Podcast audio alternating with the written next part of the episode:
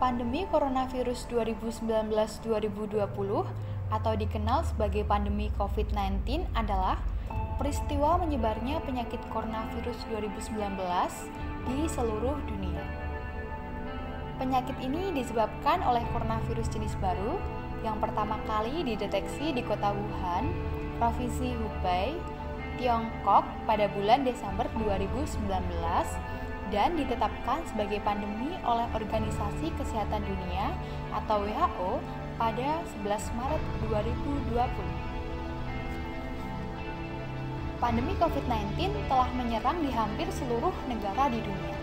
Dampaknya pun saat ini sudah sangat dirasakan.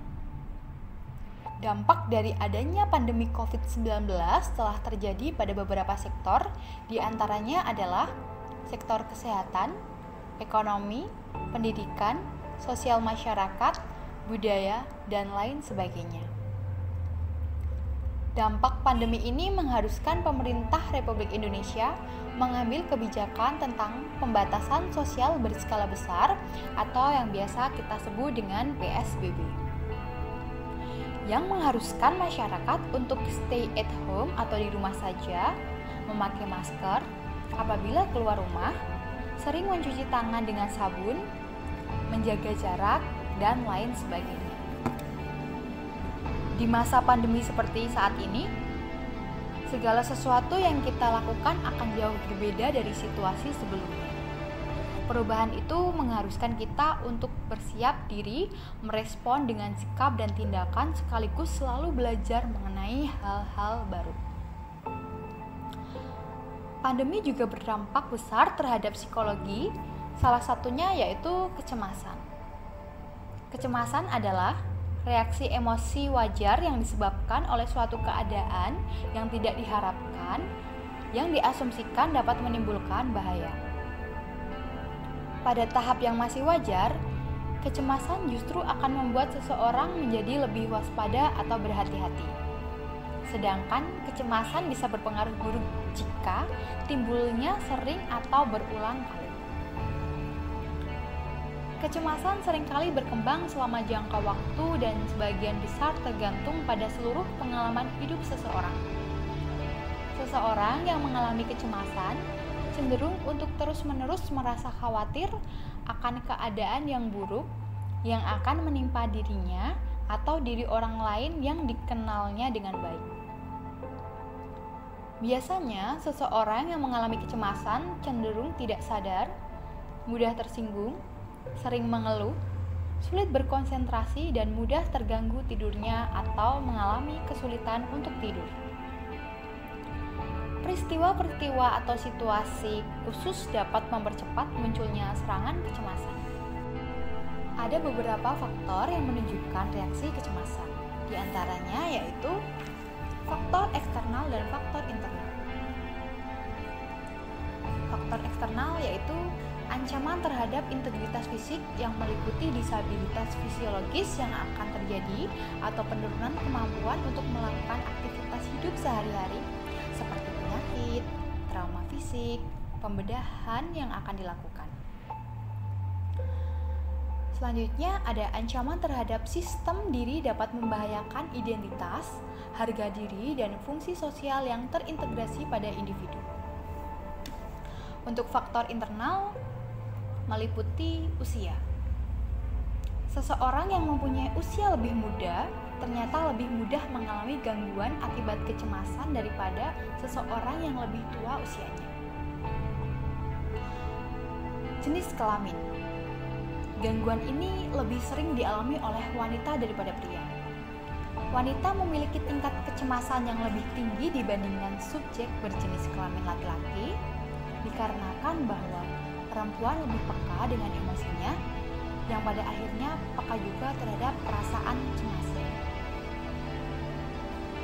Tingkat pengetahuan Dengan pengetahuan yang dimiliki, seseorang akan dapat menurunkan perasaan cemas yang dialami dalam mempersepsikan suatu hal.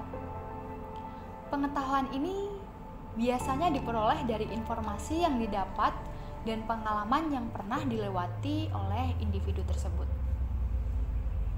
Selanjutnya yaitu tipe kepribadian.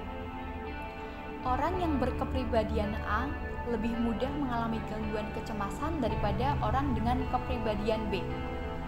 Adapun ciri-ciri orang dengan kepribadian A adalah tidak sabar, kompetitif, ambisius, dan ingin serba sempurna. Selanjutnya ada lingkungan dan situasi. Seseorang yang berada di lingkungan asing ternyata lebih mudah mengalami kecemasan dibanding bila dia berada di lingkungan yang biasa dia tempati. Rasa cemas terjadi karena ada hal-hal yang sangat meresahkan hati. Hampir setiap kejadian menimbulkan rasa takut dan cemas. Kecemasan tersebut merupakan bentuk ketidakberanian terhadap hal-hal yang tidak jelas. Adanya emosi-emosi yang kuat dan sangat tidak stabil. Suka marah, dan sering dalam keadaan excited atau heboh yang memuncak akan tetapi, sering juga dihinggapi rasa depresi. Upaya yang dapat dilakukan untuk mengatasi kecemasan yaitu yang pertama, mengontrol kecemasan. Perlu diketahui bahwa munculnya perasaan cemas bukan berarti selalu membawa efek buruk. Pada tahap yang masih wajar, kecemasan justru akan membuat seseorang menjadi lebih waspada atau berhati-hati. Dalam kondisi seperti ini, orang akan menjadi lebih sadar dan ikut mematuhi protokol perlindungan kesehatan yang telah disarankan dengan baik. Seperti rajin mencuci tangan, mengenakan masker, menjaga jarak, dan mematuhi aturan lain yang dihimbau oleh pemerintah. Meski demikian, kecemasan yang muncul juga bisa berubah menjadi gangguan mental Hal ini terjadi ketika kecemasan disertai dengan rasa panik yang berlebihan dan tidak bisa dikontrol dengan baik. Akibatnya, bisa membuat seseorang tidur tidak nyaman hingga mengubah waktu kebiasaan tidur yang normal. Bukan hanya itu, kualitas tidur yang buruk juga akan memberikan dampak pada kondisi pikiran dan perasaan yang stres. Lebih lanjut, kondisi stres akan mempengaruhi aktivitas keseharian hingga terjadi krisis. Untuk itu, penting supaya kecemasan dapat dikontrol dengan baik agar tidak menimbulkan stres dan gangguan mental lainnya di tengah pandemi COVID-19 saat ini. Upaya yang dapat dilakukan yang kedua adalah menerima keadaan. Hal ini penting di mana masyarakat harus menerima keadaan yang sedang terjadi dan memahami bahwa ini merupakan sesuatu yang belum pernah dilakukan sebelumnya.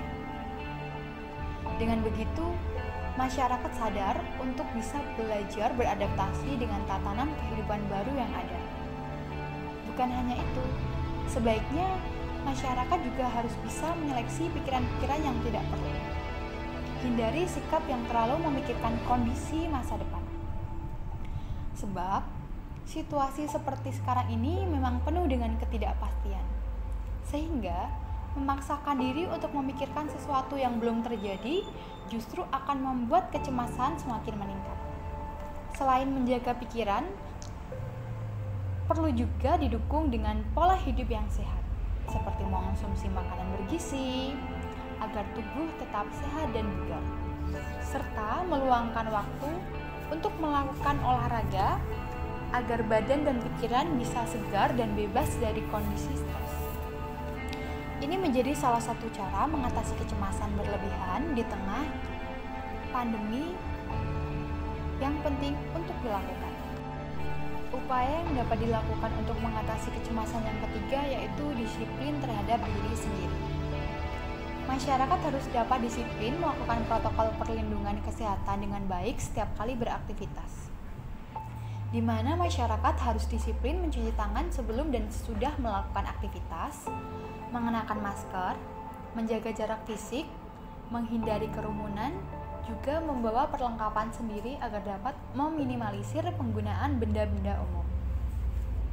Beberapa protokol kesehatan tersebut harus terus dilakukan terutama ketika melakukan aktivitas di luar rumah seperti bekerja di kantor, menggunakan roda transportasi umum, belanja di pasar tradisional, maupun pergi ke pusat keramaian yang lain.